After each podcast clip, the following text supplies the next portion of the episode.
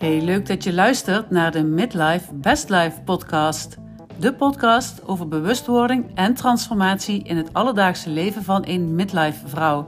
Mijn naam is Lisette van Knippenberg, inspirator, verbinder en midlife coach voor de vrouw die bewust door het leven wil gaan. Schenk iets te drinken in, ga lekker zitten en ik wens je veel luisterplezier. Dit is de allereerste opname van de podcastserie Midlife Best Life. En er gaan er nog vele volgen. In deze podcastserie neem ik je mee in mijn leven als midlife vrouw en vertel ik je over mijn bewustzijns- en transformatieprocessen. Hoe en welke stappen ik heb gezet om oude patronen te doorbreken en mijn eigen leven te gaan creëren zoals ik dat wil. Want ik weet dat er veel vrouwen zijn die vastlopen in hun leven en voelen dat ze meer in hun mars hebben.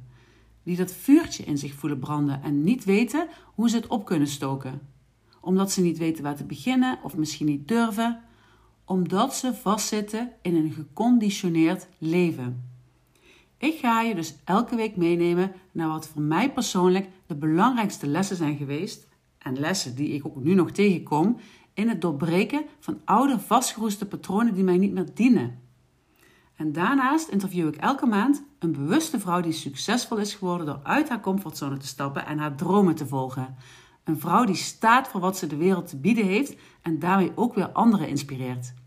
Bewustwording, zelfonderzoek en je eigen leven creëren, dat is wat voor deze vrouwen een way of life geworden is.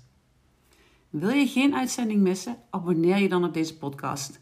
Ook kun je een kijkje nemen op mijn website www.liscommunity.com en je kunt je daar aanmelden voor mijn Liz inspiratiemail en mijn gratis e-book downloaden. De High Five voor je midlife. Vijf manieren om van jouw midlife je best life te maken.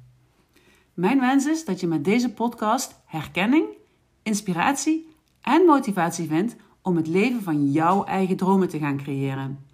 Want zoals mijn moeder het vroeger altijd al zei: als de vrouw des huizes gelukkig is, dan is iedereen gelukkig.